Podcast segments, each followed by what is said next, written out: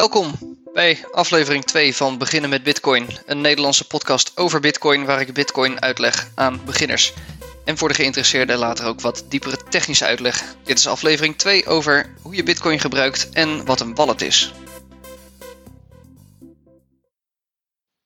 Goed, hoe gebruik je Bitcoin? Je hebt geen toestemming nodig. Je hoeft niet naar een bank. Je hebt geen ID-kaart nodig. Er is geen minimumleeftijd. Je hebt geen formulieren in te vullen. Je bent zelf je eigen bank. Het is mogelijk om zelf je eigen Bitcoin te beheren. En dat kan je doen door bijvoorbeeld een wallet te downloaden op je telefoon. Nou, waar ik het deze aflevering over wil hebben is drie dingen. Wat doet een wallet? Hoe kies ik zelf een wallet? En ik zal afsluiten met mijn persoonlijke tips. Wat doet een wallet? Een wallet, Engelse woord, portemonnee. Ik, ik blijf die Engelse term wel uh, gebruiken, want ik vind, uh, zeker als we het over wallets hebben, vind ik dat een, een fijner woord. En dat ga je online ook een stuk meer tegenkomen als je zelf onderzoek gaat doen. Er zijn twee functies van een wallet. De eerste functie is het bijhouden van de blockchain. Nou, die blockchain, daar komen we later op terug, maar het zijn in principe alle transacties van alle gebruikers in het Bitcoin-netwerk. Dus wat een wallet kan doen, is die blockchain bijhouden en zelf al die transacties vergelijken. En dan kan hij zelf kijken of iets daadwerkelijk gebeurd is. De tweede kant van een wallet is het bijhouden van jouw persoonlijke bitcoin. Welke bitcoin jij zelf recht op hebt, waar je toegang tot hebt. En wat er daarvoor nodig is, dat zijn secret keys. Ja, keys, eh, sleutels, geheimen om je bitcoin te gebruiken. Zo goed als alle wallets die doen dat tweede deel, dat bijhouden welke bitcoin je recht op hebt. Wat je saldo is dus. Dus bij die, die wallets, daar uh, staan de wachtwoorden, de, de secret keys, die staan in de wallet zelf.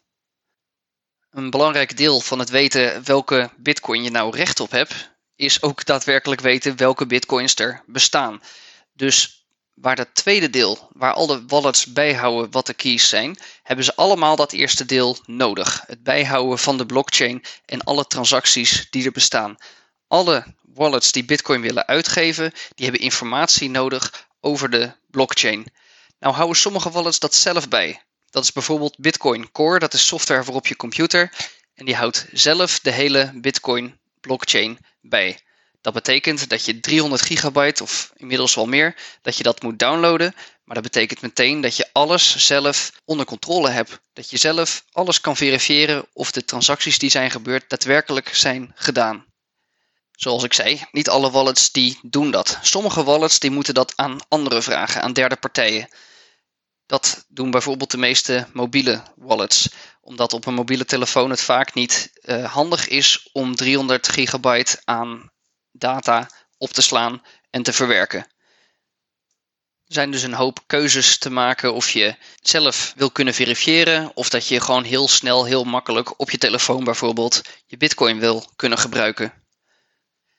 Er zijn er verschillende types, type wallets. Er zijn grofweg gezegd zijn er vier soorten.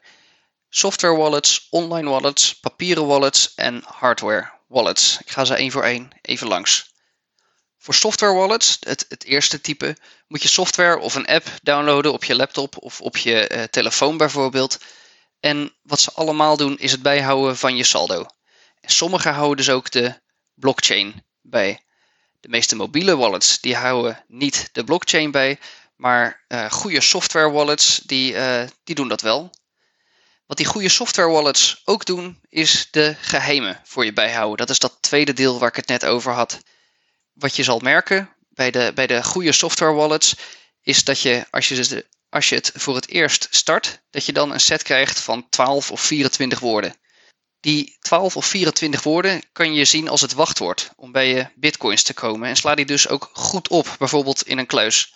Als je telefoon dan stuk gaat of gestolen wordt, dan kan je met die 12 of, of 24 woorden, kan je dan uh, op een andere telefoon of op je computer, kan je weer bij de bitcoin dat is wel bijzonder om te begrijpen. Maar bitcoins staan dus niet daadwerkelijk op je telefoon, maar die zijn gekoppeld aan die secret keys, aan die 12 of 24 woorden. Daar worden die keys van afgeleid. En dat is misschien wat lastig te begrijpen en in de aflevering over transacties kom ik daar op terug. De meest bekende software wallet is Bitcoin Core. Dat is door de Bitcoin Core developers, zeg maar de hoofdontwikkelaars van Bitcoin. Iedereen is vrij om zelf zijn eigen wallet te maken, maar de Bitcoin Core wallet is de meest gebruikte voor, uh, voor nodes, zoals dat uh, heet. En nodes, ja, dat zijn eigenlijk gewoon installaties van Bitcoin Core. Daar kom ik later op terug wat dat nou betekent. Maar al die mensen die Bitcoin Core, die zo'n node draaien, die hebben een hele kopie van de hele blockchain, die 300 gig of meer. Die hebben ze staan en die geven ze aan elkaar door. Echt als een, als een peer-to-peer netwerk. Hier kom ik dus later op terug in de latere aflevering over nodes. Het tweede type wallet, een online wallet. Een online wallet betekent dat een derde partij de geheimen voor je bewaart. Later gaat het over het kopen van Bitcoin. Dat, daar ga ik de volgende aflevering over maken. En daar gaat het ook over exchanges, zeg maar wisselkantoren. Daar stuur je euro's naartoe en dan krijg je Bitcoin terug. Als je daar je Bitcoin laat staan, dat is een goed voorbeeld van een online wallet. Dan is het dus die derde partij, dat wisselkantoor, dat jouw Bitcoin bewaart. En goed, dan staan ze daar. Als je dat doet, dan bezit je dus niet zelf die secret keys. Die, die geheime, die wachtwoorden waar je zelf bij die bitcoin kan. Je vertrouwt hier dan dus op de partij waar je die bitcoin hebt neergezet of gekocht. Dit is een, uh, vaak is dit een goede optie voor beginners, maar als die partij nou omvalt of stopt, dan zijn je bitcoin weg. En dat is in het verleden is dat best vaak gebeurd. Je zal misschien ook wel eens nieuws hebben gezien dat bitcoin gehackt zou zijn. Dat is onzin. Dat is nooit gebeurd. Maar wat wel gebeurd is, is dat die wisselkantoren uh, gehackt worden en dat mensen dan hun bitcoin kwijtraken.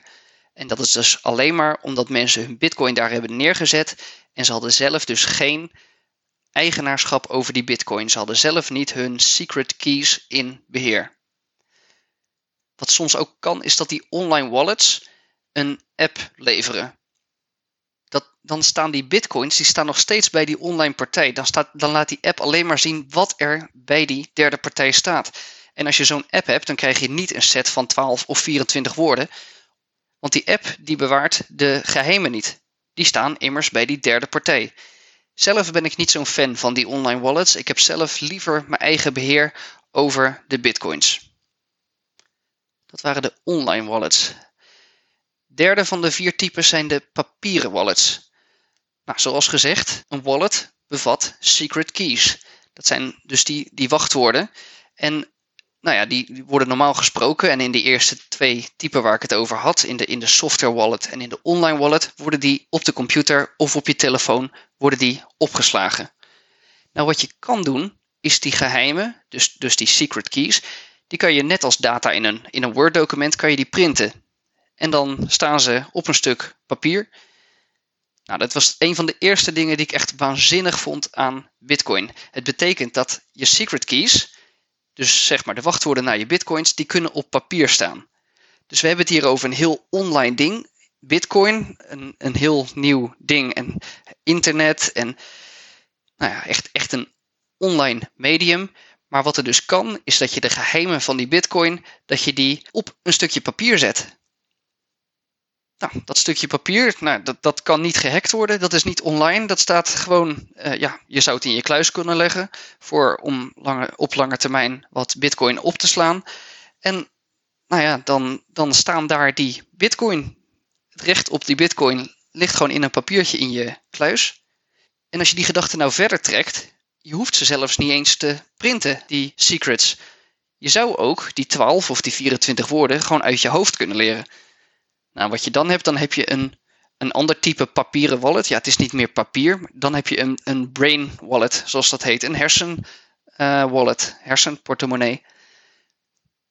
Nou, dat, is, dat heb ik altijd een waanzinnig concept gevonden. Dat je een heel fortuin in je hoofd kan opslaan met 24 woorden. Ja, dat is natuurlijk fantastisch als je, als je, uit, je uit je land moet vluchten en je, je wil niks meenemen. Maar je kan met 24 woorden in je hoofd kan je uh, op het land van uh, bestemming, waar, ja, je bent gevlucht, je bent in een nieuw land, dan kan je opeens weer bij je bitcoin. Nou, dat is, uh, dat is nooit daarvoor mogelijk geweest natuurlijk. Het nadeel van zo'n papieren wallet en ook van zo'n hersen wallet, is dat het wel lastiger is om uit te geven. Want je zal iets nodig hebben om die secrets te gebruiken en om daadwerkelijk transacties te maken. Dat, zal, dat betekent dat je die geheimen dan vaak toch weer in een software wallet moet inladen om die bitcoin uit te kunnen geven. Maar ja, het is wel een handig idee als je langere termijn bitcoin wil opslaan, dat je ze in een, uh, in een kluis kan leggen. Het laatste type wallet is de hardware wallet. Als we even terugdenken naar die twee functies die een wallet heeft. Ten eerste was het het bijhouden van de transacties en ten tweede het bijhouden van je secret keys. Die secret keys, dat tweede deel, dat is het gevaarlijkste deel, want met die geheimen kan je bitcoin verplaatsen. Als iemand die geheimen heeft, dan kan die bij jouw bitcoin, die, die verstuurt ze en dan, dan zijn jouw uh, bitcoin weg. Dus het is belangrijk om die, die geheimen goed te beschermen. En om dat te beschermen zijn er gespecialiseerde apparaatjes. Dat zijn hardware wallets. Vaak zijn dit een, ja, het ziet er vaak uit als een soort van USB-stick of een externe harde schijf. En daar staan die secret keys, die staan daarop. En het hangt van het merk af of ze ook de blockchain bijhouden. Dus als je even terugdenkt, dat was die eerste van de twee functies, het bijhouden van de transacties. Dat doen lang niet alle hardware wallets. De meeste niet zelfs. Vaak hebben die hardware wallets een derde partij nodig, of je kan ze naar je eigen node verbinden en dan haalt hij daar de transactieinformatie vandaan. Oftewel, van die twee functies, het, bewaren van je geheimen en het bijhouden van de blockchain, doet hij vooral het bewaren van die geheimen heel erg goed. Die hardware wallets die kosten wat. Dat kost meestal 80 euro of meer. Het hangt een beetje van de functies af. Als je mooie knopjes wil of een fijn schermpje, dan wordt het al snel duurder. Goed, dat waren de verschillende typen van wallets. Ik ga het zo hebben over hoe je een wallet kan kiezen. Maar dan nog even een paar dingen die echt in moeten zinken, die uh, niet per se heel intuïtief zijn. Wat wel logisch is, is wat het saldo is. Dat zal iedere wallet doen. Die geeft je gewoon een saldo, meestal bovenin je scherm, van het aantal bitcoin waar jij recht op hebt. Nou, als jij net een wallet hebt gedownload, dan staat daar gewoon het getal 0 natuurlijk. Want ja, niemand gaat jou gratis bitcoin geven. En ja, bij een verse download staat er nog 0 bitcoin op. Je hebt ook nog niks gehad. De technische kant van dat saldo, dat is bijzonder en dat gaat later belangrijk worden. Je ziet dus het saldo bovenin je wallet en dat is het aantal bitcoin waar je over beschikt. Die bitcoin die staan niet echt in je wallet. Wat die wallet nou doet, die checkt van welke bitcoin op de blockchain waar je toegang toe hebt. Er is dus geen saldo als zodanig, dat bestaat niet echt. En later in de transactie en in de bitcoin blockchain, sorry, in de blockchain aflevering kom ik daar ook op terug. Maar hij houdt dus bij welke bitcoin je toegang toe hebt. Wat die wallet bijvoorbeeld kan weten is dat er 0,05 bitcoin in blok 600.501 zit. En ook weer 0,05 bitcoin in blok 600.750. Dat betekent dat die 2 keer 0,05, dat je saldo 0,10 bitcoin is. Het effect is uiteindelijk hetzelfde. En als beginnende gebruiker is het ook helemaal niet heel belangrijk wat dat saldo nou betekent. Maar later wordt dit belangrijk als we het over transacties gaan hebben.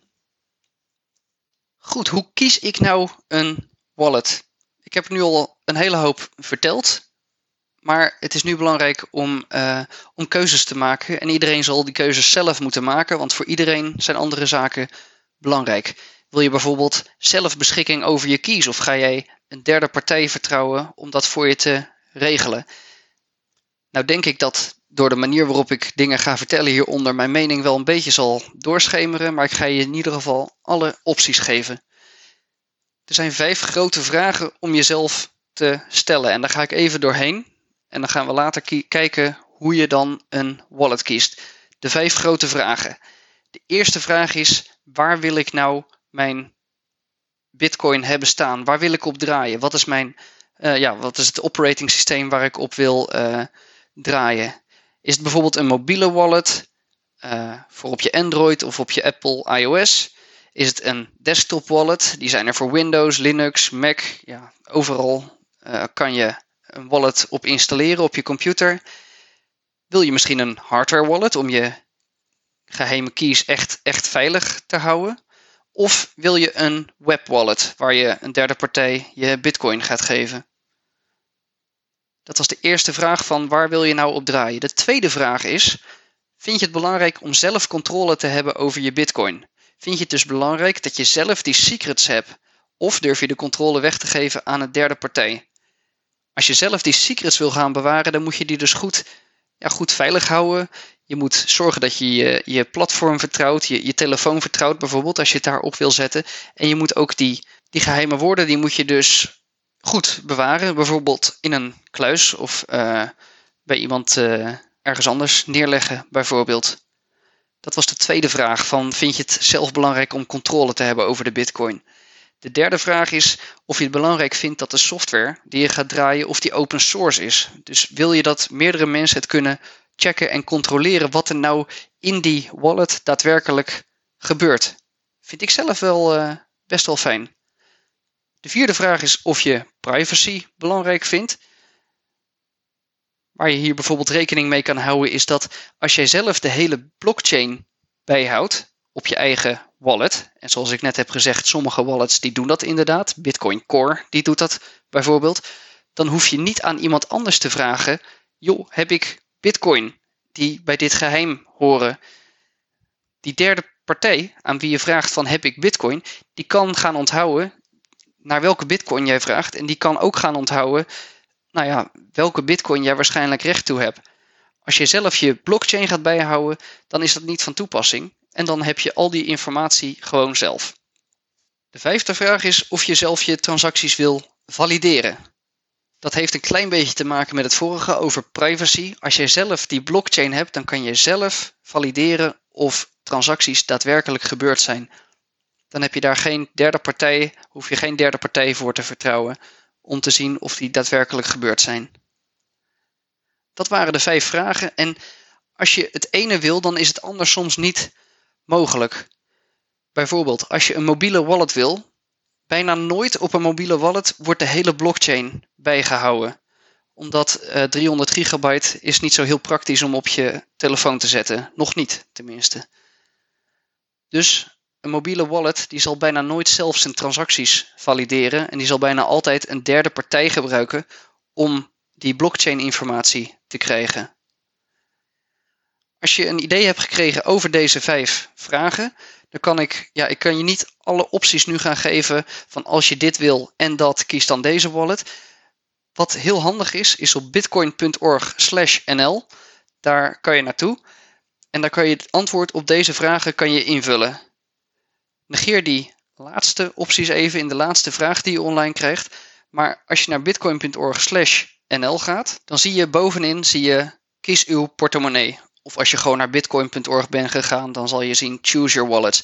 Je geeft dan deze opties in en dan krijg je een lijstje met precies de wallets die bij jouw keuzes horen. En die lijst met suggesties, daar kan je dan uit kiezen en er staat ook een stukje uitleg bij waarom je de een of de ander wel of niet zou doen. Goed, het laatste deel van deze aflevering. Mijn persoonlijke tips, of hoe ik het uh, doe of zou doen. Wat ik zelf heb is een hardware wallet en die gebruik ik als spaarrekening. Dat is een Ledger Nano S, die zal ik ook in de show notes zetten. Ik zal trouwens wel meer dingen, de links die ik net heb genoemd, die zal ik ook wel in de show notes zetten, zodat je die in je podcast speler gewoon kan aanklikken. Ja, een Ledger Nano S dus. En daar staan uh, de secret, secrets op van de Bitcoin die ik als, als spaarrekening gebruik. Voor beginners is het vaak niet nodig direct om een, om een hardware wallet te hebben. Ik zelf heb het ooit op papier gedaan. Dat werkte heel goed. Daar heb ik meerdere jaren Bitcoin op uh, bewaard. Het is alleen dus lastig om het uit te geven. Want die papieren wallet die zal je weer moeten inladen. En ten tweede heb ik uh, voor dagelijks geld, zoals je ja, ook uh, cash in je portemonnee hebt of, of zou hebben. Het gebeurt steeds minder volgens mij. Maar voor die hoeveelheden heb ik ook een wallet op mijn telefoon. Zelf draai ik op Android. En daar gebruik ik uh, de app. Ja, hij heet Bitcoin Wallet. Niet een heel uh, fantasievolle naam. Het is Bitcoin Wallet van, uh, van. En ik zal ook de link daarvan in de show notes zetten. En ik heb deze gekozen omdat daar zelf de secrets op staan. En die wallet staat ook toe om naar mijn eigen node toe te verbinden. Dus ik hoef dan geen derde partijen meer te gebruiken. En dat vind ik zelf best wel uh, een leuk, uh, leuk idee. Nou zullen er ook luisteraars zijn die op een iPhone luisteren. Zelf gebruik ik geen iPhone, dus ik kan daar niet per se een tip voor geven. Um, ik heb wel rondgevraagd en ik heb ook voor mezelf de vragen ingevuld op bitcoin.org bij Kies je portemonnee over wat ik belangrijk vind. En daar kwam voor mij BRD Wallet uit. Dat is Bravo Romeo Delta. En die zal ik ook in de show notes zetten, BRD Wallet. En dat, ja, het ziet er eigenlijk, als ik er snel naar kijk, hetzelfde uit als die Bitcoin Wallet die ik op Android gebruik. Een andere tip die ik kreeg, dat was Mun, M-U-U-N. Dat zou ook een goede wallet zijn en die zal ik ook linken. En die heeft ook dat Lightning support waar ik het eerder over had. Die, die uitbreiding op Bitcoin. En Mun, M-U-U-N dus, die heeft een app voor iPhone, maar ook voor Android. Voor allebei deze wallets, dat BRD en dat Mun, daar staan ook de geheimen op je telefoon zelf. Goed, dat was het. Dat is een uh, hoop huiswerk om te doen. Een hoop vragen om jezelf te stellen. Wat vind ik nou belangrijk? En wat ik ook in de komende afleveringen vaker zal zeggen. Doe zelf je onderzoek en ga nou niet af of ga nou niet uit van wat één iemandje in een podcast vertelt. We kunnen je helpen zoveel je wil. Dat kan bijvoorbeeld in die Telegram groep. Die kan je vinden via beginnenmetbitcoin.com of als je in Telegram direct zoekt naar beginnen met Bitcoin, één woord, dan vind je ons ook. Ik wil in de groep ook vragen verzamelen voor komende afleveringen. Misschien ben ik over dingen heen gesprongen of heb ik dingen niet duidelijk uitgelegd. Dan wil ik later vraag- en antwoord afleveringen maken waar ik vragen beantwoord uit die Telegram groep. Het is gewoon een chatgroep, dus ja, misschien uh, wil je erbij uh, komen. Voor nu bedankt voor het luisteren. Tot de volgende aflevering. En daar ga ik vertellen over hoe je nou aan Bitcoin komt.